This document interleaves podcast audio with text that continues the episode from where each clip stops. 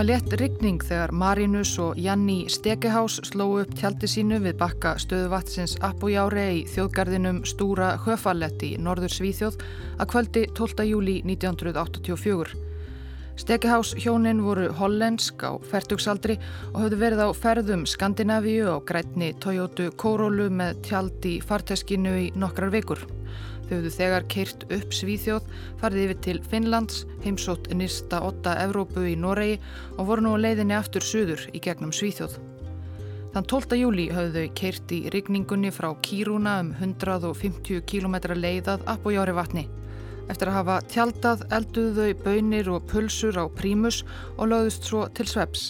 Í ferðardagbók skrifaði Janni um náttúrufegurðina í norður Svíþjóð en kvartaði undan mýflugum. Kvöldið eftir leituðu innlendir ferðamenn frá Gautaborg að tjaldstæði í nákrenni Appojári. Við bakka vatsins tókuður eftir tjaldi sem hafði fallið saman. Þeir sáu móta fyrir mannesku inni í tjaldinu. Þeir kölluðu til lauruglu.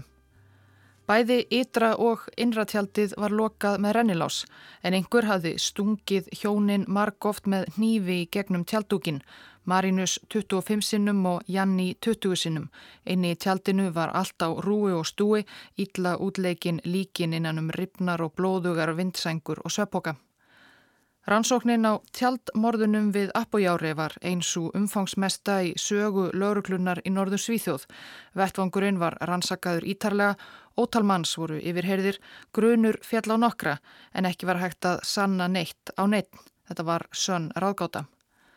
Það var ekki fyrir en 11 árum síðar, 1995, að maður nokkur játaði að hafa orðið þeim Marinus og Janni Stekehás að bana í tjaldi við Appojári vatn á sumarkvöldi 1984.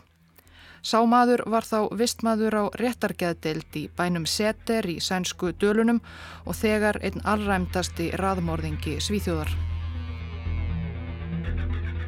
Jag har dödat innan döden var den nära dödat unga liv som var äkta liv på väg. Sture, Sture, Sture, Sture, Sture, Sture, Sture, Sture,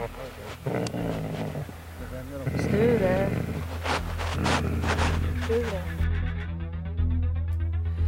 Í síðasta þætti í ljósisögunar kynntumst við manni sem var skýrður Stúre Bergval en tók sér á fullorðinsaldri nafni Tómas Kvikk Hann var fættur 1950 frekar fátækum foreldrum í Falun í dölunum og ánetjaðist ungur vímuöfnum, sniffaði eituröfni og tók amfetamin. Hann neyðist líka til karlmanna og sérilagi ungra drengja. Tvítugur var hann fyrst lagðurinn á geðdild eftir að hafa brotið kynferðislega á fjórum piltum og hann var þar að auki sjúkur af þunglindi, kvíða og nyslu.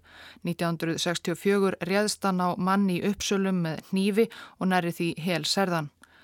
Eftir nokkur góð ár edru á nýjunda áratögnum fjallan aftur í neyslu, gerði vanhugsaða tilraun til að ræna banka og var í kjölfarið lagður aftur inn á geðdild, réttar geðdildina á sjúkrahúsinu í Seter, ekki langt frá Falun. Það var árið 1991. Á setter fekk Stúri Bergval ríkulega af róandi og kvíðastillandi livjum til að hjálpa honum að takast á við skapsveiplur, kvíða og sjálfsmórs hugsanir sem sóttu á hann. Hann fór líka í sálræna samtalsmeðferð sem var þá ákveðin nýlunda á setter sem læknar bundu miklar vonir við. Í samtalsmeðferðinni var mikil áhersla lögð á að sjúklingar könnuðu og tækjust á við erfiðar minningar úr fortíðsinni, eitthvað sem geti skýrt veikindi þeirra eða gjörðir og jafnvel reyna að toga upp úr hildýpi hugans minningar sem höfðu verið algjörlega bældlar niður, það allra sárasta sem þeir höfðu upplifað á æfinni. Þannig væri hægt að komast til bots í því hvað hrjáði hvern einstakling, komast að kjarna einstaklingsins og vonandi loksins ná bata og það var það sem Stúri Bergvall gerði. Hann fór að rivja upp sínar sárustu minningar að hann hafði í gegnum æfina orðið fjölda manns að bana myrt á ógeðfeldan hátt.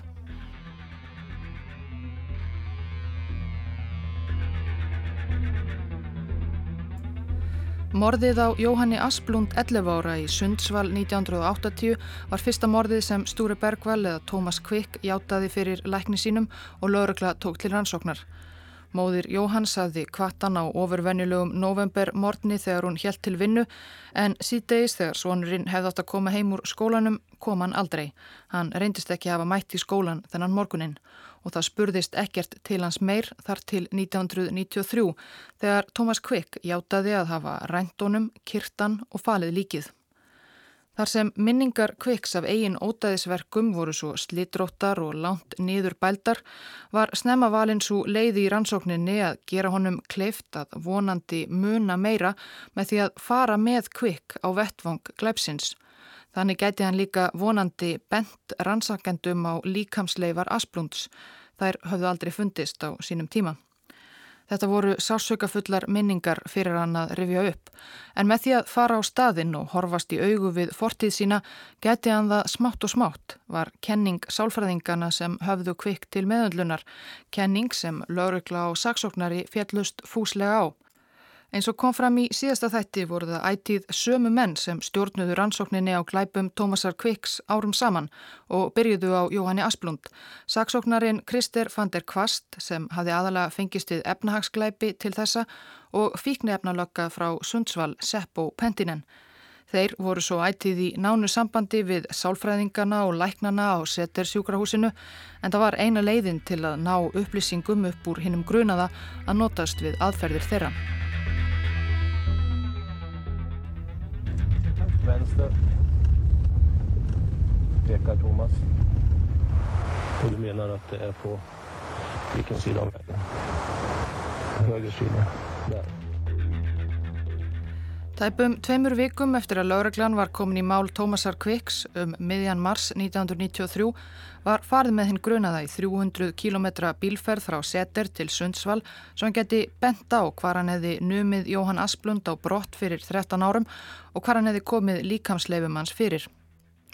Seppo Pentinen lauruglfulltrúi var við stýrið, með í för var Vander Kvast saksóknari, Kjell Persson læknir, lögmaður Kviks og tveir aðrir starfsmenn af setter sjúkrahúsinu til viðbótar.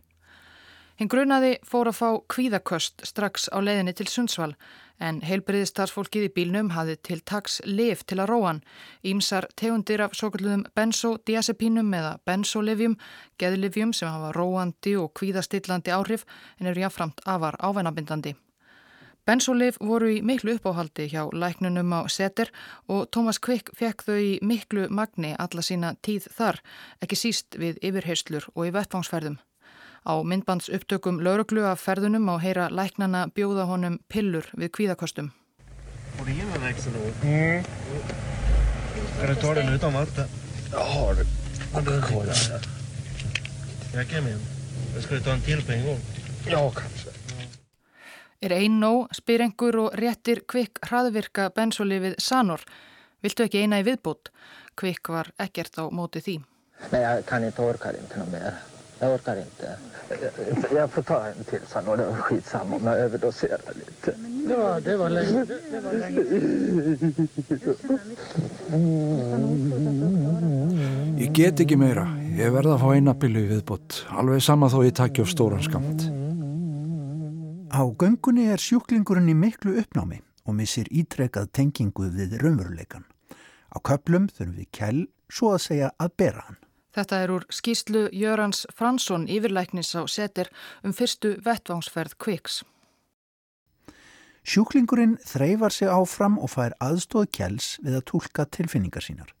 Þegar hann heldur sig kannast við eitthvað svæði fær hann kröftugt kvíðakast og sársauka í brjósti. Hann fær einnig mikinn höfðverk. Hann er í gríðarlega miklu uppnámi og of andar, verður að anda í plastpoka, fær 5 mg í viðbót af stesolid og tvær sítodóntöflur við höfðverk. Skindilega rifjaði svo upp fyrir kvikk að hann hafi bútað lík Jóhanns Asplunds í sundur og sömu leiðis hvar hann hefði komið fyrir höfðinu á drengnum en eftir fjögur að tíma göngu var hann of þreyttur til að vísa lauruglunni veginn þangað. Í næstu yfirheyslum kom Kvikk með frekari upplýsingar um hvernig hann hefði banað Jóhanni. Hann hafði til að mynda fengið lánaðan bíl hjá kunninga sínum til ferðarinnar til Sundsvall. Það var nokkura klukkustunda akstur frá Falun þar sem Stúri bjó á þessum tíma 1980. En þegar koma því að lýsa sjálfu morðinu og því hvernig hann hafi losað sig við niður bútað lík drengsins var kvikk sífælt að breyta frásöksinni. Hann hafi kastað höfðinu fram af þessum kletti. Nei, hann hafi sett líkamslutana í póka og kastað þeim í á. Hvar sem hann benti leituðu lauruglumenn af sér allan grunn en ekkert fannst, hverki, ekki nokkur hlutur sem gætt rent stóðum undir frásögn kviks. Hann gætt heldur ekki gefið greina góða lýsingu á drengnum sem hann myrti, hvernig hann hefði verið klættur eða hvort hann hefði verið með skólatösku eða ekki. Kristur Vander Kvast, saksóknari og Seppo Pentinen lauruglufulltrúi voru því fyrstum sinn nokkuð skeftískir á óljósar frásagnir sjúklingsins en læknarnir og sálfræðingarnir á setter fullvisuðu þá um að við þessu væri einmitt að búast. Það var ekki hægt að ætlast til þess að minningarnar sem kæmu aftur til kviks í gegnum meðferðina væru alveg áreðanlegar, ekki fyrstum sinn Svo erfitt væri fyrir hann að endurheimta þessar sáru minningar að heilin reyndi enn að bæla þær niður og brengla en með tímanum myndi þetta allt koma.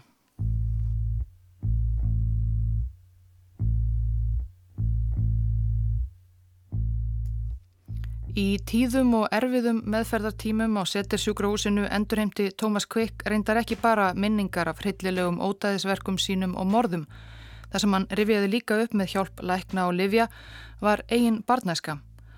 Það var mikil áhersla lögð á það af læknunum og sálfræðingunum á seter að sjúklingar legðust yfir æskuár sín þar sem skýringar á setni tíma vandamálum þeirra og gjörningum væri mögulega að finna í erfiðri reynslu á barsaldri. Við heyrðum aðeins af bernsku Tómasar Kvik sem þá hétt Stúre Bergvall í síðasta þætti. Fóreldrar hans voru frekar fátækir, trúaðir, Fadurinn Úve var strángur, en hversu strángur var hann?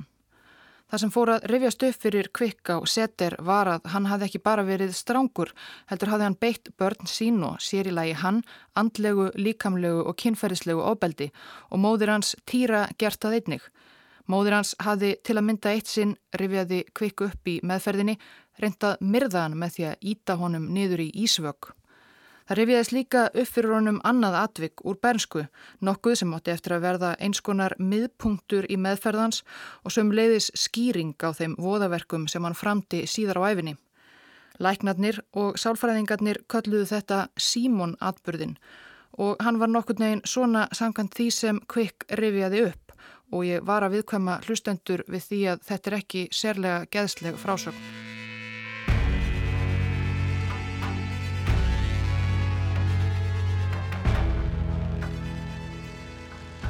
Stúrið litli, síðar Tómas Kvik, var þá fjögur ára. Fadir hans var að misnota hann kynferðislega í hjónarúminu þegar móðir hans gekk inn, Kass Ólétt, og var svo mikið um þessa sjón að fæðingin fór af stað. Stúri litli sá þetta og ákvaðað nefna andvanna fættan bróður sinn sem hjekk enn í naflastrengnum millir fótleggja móður sinnar, Símón. Svo brast á allserjar ofbeldis svall Fadurinn náði í hníf og foreldratnir tóku til við að skera lík unga barnsins í bytta millir þess sem þau misnótuðu stúri og neittu hann til að leggja sér líkið til munns. Loks pakkaði pappin líkamsleifum barsins inn í dagbladapapir, setti pakkan á böglaberan á hjólunu sínu og hjólaði með stúri litla að greftraða einhver staðar utan við bæin.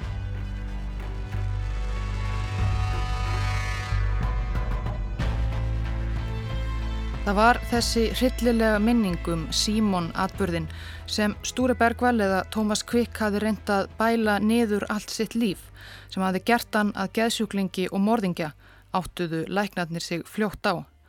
Morðans voru eins konar útrás, eina leiðin sem Stúri gatt sagt frá þannig séð öllu því hryllilega sem hafi komið fyrir hann í bernsku. Og með mordum sínum og limlestingum var Stúri jafnframt að reyna að bjarga Símon bróður sínum og endurlífka eða eins og hann lísti því sjálfur í brefi til sálfræðingsins því Stúri hafði alltaf mikinn áhuga sjálfur á kenningum læknana um hans eigin gjörðir og tók virkan þátt í meðferðinni. Myndin er af því hvernig ég smátt og smátt byggi upp, bý til heilan dreng, heilan Símon með því að sækja byggingarefni til margra drengja. Hvernig ég í gegnum morðin endur skapa hryllilega reynslu en passa um leið að efna lofur mitt til Símons. Dag einn ger ég þig heilan. Hjartað úr alvari var fyrsti steinnin. Og svo framvegs. Sture, Sture, Sture, Sture, Sture. Til að breyða yfir þessar hryllilegu berskuminningar nefndi Kvikk föður sinn gertnan öðru nafni. Hann kallaði hann af einhverjum ástöðum Ellington. En Ellington varð líka á endanum að einskonar öðrum personuleika Kvikks sjálfs. Það var Ellington sem var íllur og ofbeldisfullur, sá sem tók yfir þegar kvikk framti ótaðisverk sín og varð að halda í skefjum með livjum og meðferð, þó að með árunum kæmi hann æg oftar fram til að mynda þegar löglumenn leta hann endurskapa glæpi sína í vettvangsferðum og hann misti stjórn á sér eins og heyrist hér. Jävel, jävel, jävel, satans jävla grisjävel, din satans jävla grisjävel. Ellington byrtist líka heima á seter, hann gekk bersesgang á göngunum svo að binda varð kvikk niður, hann ringdi í lækna með hótanir eða skrifaði hýsli sínum ógnandi bref. Stúri er líga sjúkur og anskotans grís, hann á ekki séns gegn mér. Ég er Ellington og í nótt gappa ég hann til að hengja sig. Ég verð gladur, svo gladur að horfa á. Ég veit sannleikan, ekki stúri. Það var stúri sem draf fóstrið sem hann kallar Símon með bannvænum hverjum. Ellington. Tómas Kvikk var fljótlega greindur með markfaldan eða rofin personleika MPD í viðbót við aðrar greiningar sem hann státaði þá þegar af. Hann þróaði líka með sér fleiri personleika með tímanum, til dæmis móður ímyndina Nönu og Cliff sem af einhverjum ástæðum talaði bara ennskum.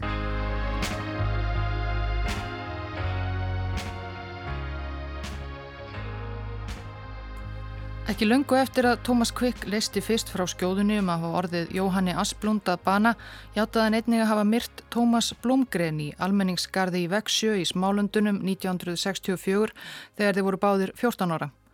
Morðið á Blomgren sem fannst í verkværaskúr, kirtur og með buksurnar á hælunum var þá fyrnt svo að lauruglan lagði ekki miklu áherslu á að yfirheyra Quick um það. Þegar Kvik fór þó að tala meira og meira um Blumgren haustið 1993 kom í ljósað minningar hans voru öllu skýrari en þær af morðinu á Jóhanni Asplund. Í meðferðarsamtali kom í ljósað hann mundi vel eftir almenningsgarðinum þar sem hann hafi séð Blumgren fyrst. Þar hafi verið svið og dansgolf og aðra skemmtun að finna. Hann hafi kirtan og falið líkið í verkværaskúrnum sem hann gatt líst nokkuð nákvæmlega. Læknarnir á setter samfærdust nú alveg og lauruglumennir líka. Frásögn hans var svo skýr að það var eiginlega engin vafi að Tómas Kvik hafði orðið nafna sínum Blumgren að bana 1964 og það var engin vafi að það bara taka endur heimtar minningar hans trúanlegar.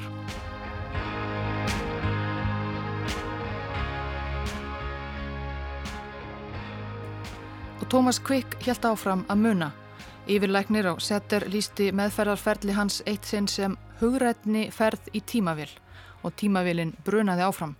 Í november 93 þegar rúnt ár var síðan kvikk nefndi Jóhann Asplund fyrst í meðferðinni var hann búin að játa fimm morð. Sænskir fjölmiðlar höfðu þá frétta málinu og því var slegið upp á forsýðum blada að á setter sjúkrahúsinu sætið að líkindum fyrsti raðmorðingi svíþjóðar. Minningar kviks af ótaðisverkunum voru enn mis skýrar.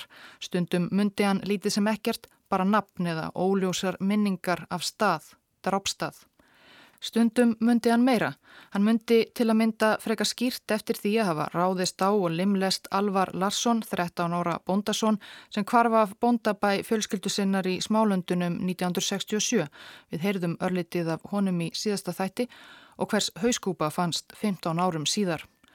Og svo var það Sjálfs Selmanovic, 15 ára drengur sem kvarf eftir unglingadansleik í Piteå í norður Svíþjóð á kvöldu novemberkvöldi 1976 eins og jörðin hefði gleiftan og ekkert sem gætt útskýrt kvarfans. Það var um miðjan desember 1993 sem Kvik fór fyrst að nefna það í samtali við geðlækna sína óljósar minningar um að hafa orðið drengað bana í Piteå einhver tíman á 8. áratögnum. Þessar óljósu minningar vöktu sérstaka aðtikli bæði lækna og lauruglu því bara örfáum dögum áður höfðu fyrst verið fluttar fregnir af því að veiðimaður á göngu í nákrenni Píteo fyrrum veturinn hefði fundið líkamsleifar drengs í skóinum. Lörgla hafði þegar skorið úr um að þetta væru líkamsleifar Sjálfs Selmanovits 15 ára en hvernig hann hefði beðið bana var enn óljóst en það taldi Tómas Kvikk sig vita mjög vel.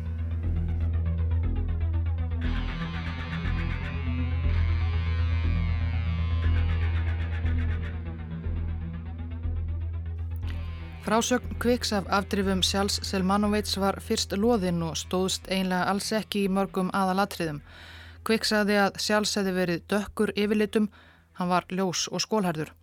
Hann saði að hann hefði verið í flaugjelsbuksum en hann var í galabuksum. Hann talaði um árið 1977 en Sjálfs hafði horfið árið áður. En það var auðvitað erfitt að rifja upp þessar sáru niðurbældu minningar eins og læknatnir á setir ítrökuðum og smátt og smátturðu endurminningar kviks, nákvæmari og trúverðugari. Hann hafði farið með öðrum manni, nafngreindum manni sem var reyndar látin þegar þarna var komið sögu, á bíl til Píteói leitað dreng til að misnota. Þeir fundu sjálfs á gangi heima af dansleik, kvik kirti hann og bútaði svo líkans niður með sög. Lýsingar hans þóttu koma heim og saman við ástand líkamsleifana sem fundust og haustið 1994 var Tómas Kvik ákærður fyrir morðið á sjálfs Selmanovits. Það var fyrsta morðið sem Kvik var ákærður fyrir þar sem rannsóknin á morðinu á Jóhanni Asplund var enn í gangi og mál Tómasar Blumgren og Alvars Larsson fyrnd. Réttað var yfir Kvik í november 94 fyrir hérastómstól Píteo Réttarhöldin voru óveinuleg um margt. Það hafði engin sönunargögn fundist gegn hinn um ákerða, ekkert sem gætt tengt kvikk við fórnarlampið eða vettvang glæpsins. Ekki var hægt að skera úr um það nákvæmlega hvernig sjálfs Sermanovits hafi beðið bana af líkamsleifunum, hvort að hefði borið til með sagnæmum hætti yfir leitt. En Kvik hafði jú játað og flestir voru samfærðir um sekt hans, bæði ákæru vald og hans eigin verjandi sem létt hafa það eftir sér í sænsku dagblæði að hlutverk hans væri helst að hjálpa Kvik að hljóta dóm svo hann geti axlað ábyrð á sínum fyrri ílvirkjum eins og hann þráði að gera. Án sönunargagna stuttist ákjæruvaldið meðal annars við dósend í sálfræði við Úmeo háskóla sem sérhæfði sig í minnisrannsóknum Sven Åke Kristjánsson. Hann fullirti í dómsal að minningar kviks væru vafalust ekta og aðferðirnar sem læknar á settersjúgrásinu notuð til að endurheimta þær úr hugarfylsnum hans fullkomlega réttmættar og í takt við nýjustu rannsóknir. Þannig að Tómas Kvik var raðmórðingi án vafa. Kristjánsson var reyndar ekki alveg hlutlaus sérfræðingur því hann hafði nokkrum mánuðum áður byrjað að taka þátt í meðferð Kviks á setter Hann gaf svo þessa skýringu á glæpum kviks í sérfræði áleti sinu fyrir domnum. Morð geta verið frásagnir af upplifunum, af erfiðri reynslu sem að morðingin hefur lendi. Þessar minningar leiða til frumstæðra þarfa sem morðingjarnir geta ekki tjáð meðvitað. Morðin verða því að tungumáli til að geta tjáð sig um þessa reynslu. Morðin verða leið til að endurfæðast til betra lífs. Eftir tvekja daga réttarhöld var Tómas Kvik dæmdur fyrir að hafa myrt Sjálfs Selmanovits í Píteo í november 1976. Hann skildi áfram vistast á réttargeðdeild Settersjúkrahúsins.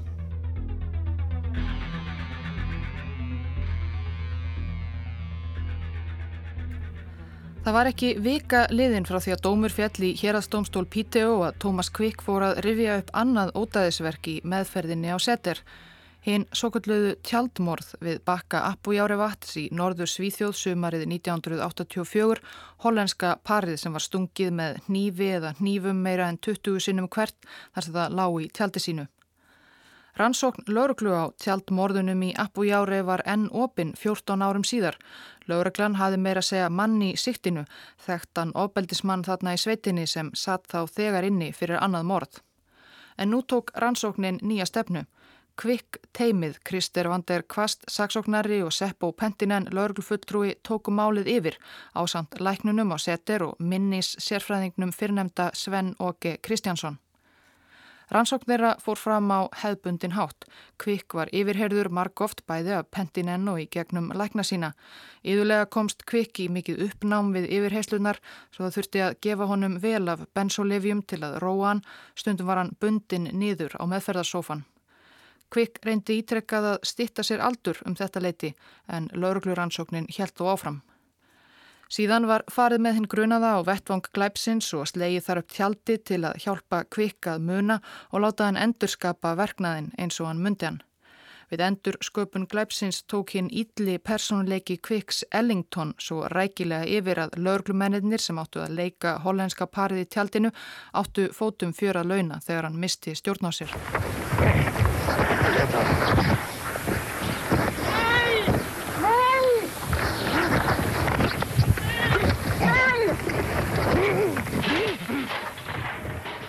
Einhverjum kom játning Kviks á óvart.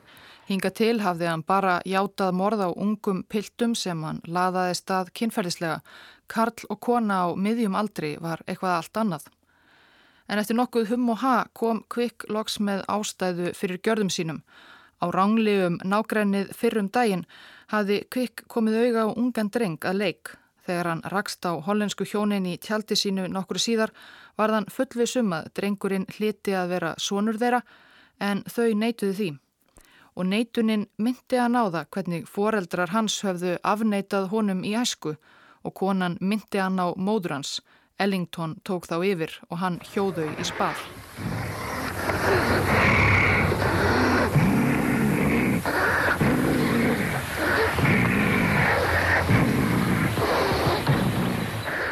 Rétt eins og í máli Sjálfs Selmanovits fundust engin sönnunargögn sem rendu stóðum undir frásögn kviks en vitnisspurður hans þótti svo samfærandi sem og endursköpun á glæpnum á vettvangi og sérfræði álit Sven Åke Kristjánsson að Thomas Quick var í hérastómi Jællivari 25. janúar 1996 dæmdur fyrir að hafa 12 árum fyrr myrt Marinus og Janni Stekihás.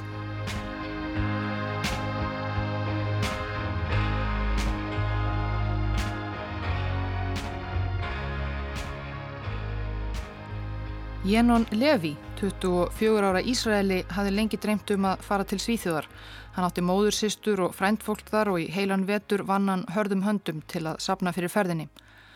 Hann komlóks til Stokkons 3. mæ 1988 og næstu vikurnar ferðaðist hann um landið á puttanum og postkorti sem hann sendi móður sinni 5. júni dásamaði hann Svíþjóð og sérilagi miðnætur sólina í norðri. 11. júni fannst Jenun Levi látin við afskektan skóarveg við smáþorpið Rörshittan í dölunum, barinn til bana með viðarkilfu sem lág ekki langt frá líkinu. Morðið var óupplýst þegar Thomas Quick fór að ía því að hafa orðið Ísraelað bana á meðan rannsókn á appojári morðunum stóð enn. Að lokum rifiðaðist það allt upp fyrir honum. Hann saðist hafa reykist á Levi á götu í uppsölum farið með honum í bílferð til Dalana sem endaði með því að hann barði Ísrænan til bana og skildi hann eftir í vegarkanti. Frásögn Kviks þótti trúverðug og hann var dæmdur fyrir morðið í hérastómnum í Hetemúra í mæ 1997.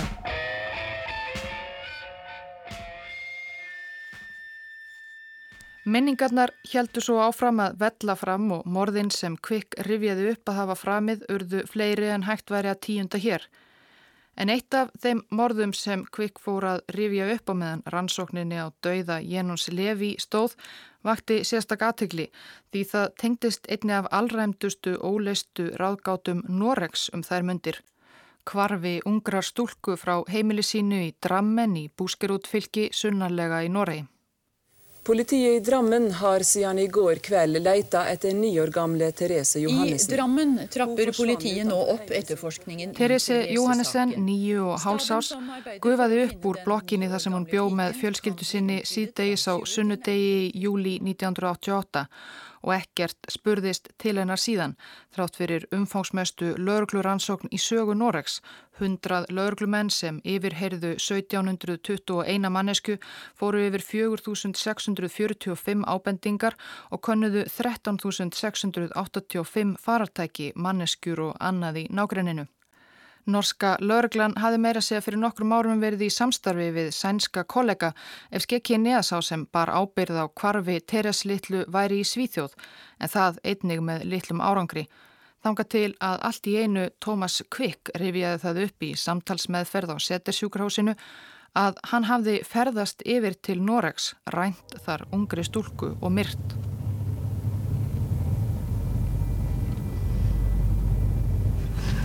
Den 23 april 1996. 13.40 åkte vi från Säter på en resa mot Lindesberg, Örebro och mot Norge. Í apríllok 1996 fór Kvikk með sínu hefbundna fyldarliði, læknum sínum og lögmanni, saksóknarum Vander Kvast, Seppo Pentinen, lauruglufulltrúa, Sven Åke Kristjánsson, minnis sérfræðingi, í langa bílferð til Noregs, til Drammen í Búskerút þar sem Kvikk listi frá skjóðunni með sínum hefbundnu tilþrifum og kvíðakostum. Hann lísti því hvernig hann hafi rekist á Teres á einni af sínum mörgu bílferðum í leitað fórnarlömpum, dreyið hana að sér, barið hana í höfuðið með steini, hendin inn í bílinn og kyrt í burtu. Jag dödar henne med kniv och öppnar henne fullständigt. Det visar fram på bröstet. Ja. Síðan hafði hann kyrt inn í skó þar sem hann stakk Teresu með hnífi til dauða. Och eh, vad jag söker Sen är all rädsla. Jag måste då nå allra längst in till rädslan. Þetta er úr upptöku lauruglu á vettvangi í Drammen. Kvikk segist við morðið hafa fundið til hræðslu sem honum hafi fundist stafa úr hrygg stúlkunar. Hræðslu sem hann hafi viljað snerta. Och det är viktigt för mig att att, att med handen få tag och känna den här rädslan. Och det innebär att... Síðan hafi hann búta líkið í sundur og hent líkamslutunum í tjörn í grendinni, tjörnina Ringen. Norska laurglan eftir sína gríðar miklu rannsókn á hvarfi Teres var í fyrstu skeftísk gagvart kvikk og sænskum kollegum sínum. Kanski ekki síst því að svíjarnir stjórnuðu rannsókninni nær alveg og sáu alfarið um að yfirheyra kvikk og þær yfirheyslur fóru fram sem fyrr í meðferðarherbergi á seter. En kvikk reyndist segja ímislegt um hvarf Teresi í yfirheyslum sem erfitt var að sjá hvernig hann hefði átt að vita annars og í vettvangsferðum virtist hann líka þekka til í drammen svo að norðmennir tóku þátt og þeir réðust í eina umfangsmestu og dýrustu einstöku lauruglu aðgerði réttarsögu Noregs að pumpa öllu vatninu upp úr tjörninni í ringen til að leitað niður bútuðum líkansleifum Teres Littlu. Kjernet der Thomas Quick har forklart at han dumpet like av Therese Johannessen viste seg å være tomt. Og í tjörninni fannst svo ekki neitt. En við leiti grendinni fannst gamalt eldstæði og eitthvað sem mögulega gætt verið brent mannabein Mögulega af ungu stúlkubarni, sagði sérfræðingur sem sænska laurglan ráðferði sig við. Ómögulegt var þó að segja til um það með vissu.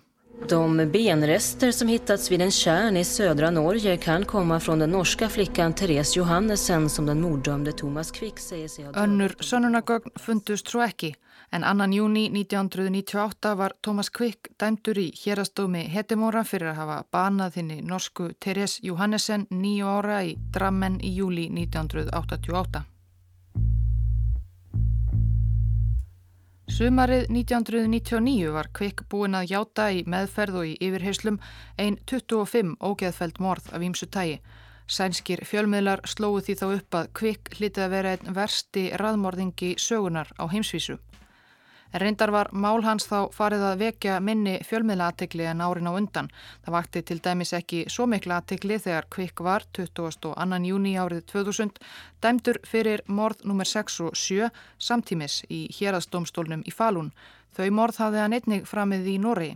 Tríne Jensen, 17 ára óslóastúlka, hafði horfið í ágúst 1981 og líkamsleifar hennar fundist í skógi suður á borginni tveimur mánuðum síðar. Hún hafði verið kyrt.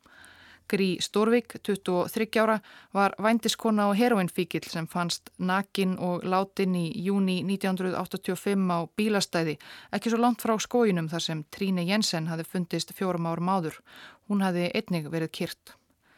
Í hvoru málinu voru nokkur sönunagögg sem bendu til sektar kviks en dómara þótti hjáttning hans samfærandi og eins og í öðrum málum þótti sérfræði áleitt sálfræðingsins og minnis sérfræðingsins Sven Åke Kristjánsson vega þungt sem ítrekkaði að meðferð kviks væri í takt við nýjustu kenningar í geðleikningum og sálfræði um eðli minnisins.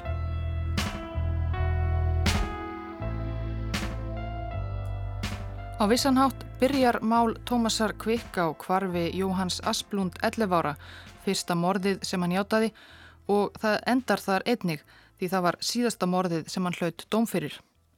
Saksóknari og laurugla lögðu mikið upp úr því að finna líkamsleifar Jóhans sem Kvikk saðist hafa bútað niður og falið sem hluta af einhvers konar helgiatöfn sem átti að lífika við Símon bróður hans.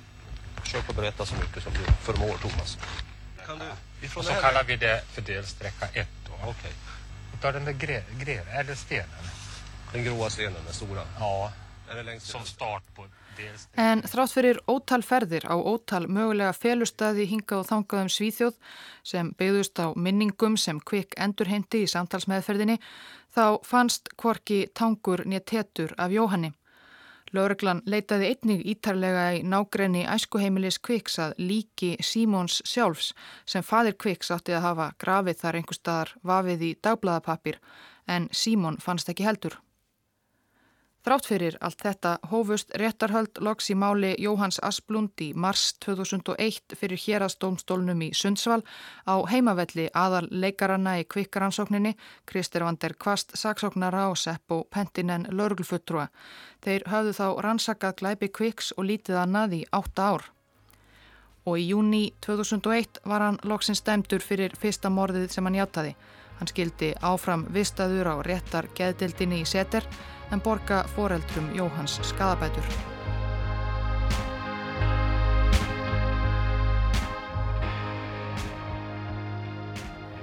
Það voru ekki bara norskir lauruglumenn sem höfðu verið skeftískir á sekt, kviks og játningar.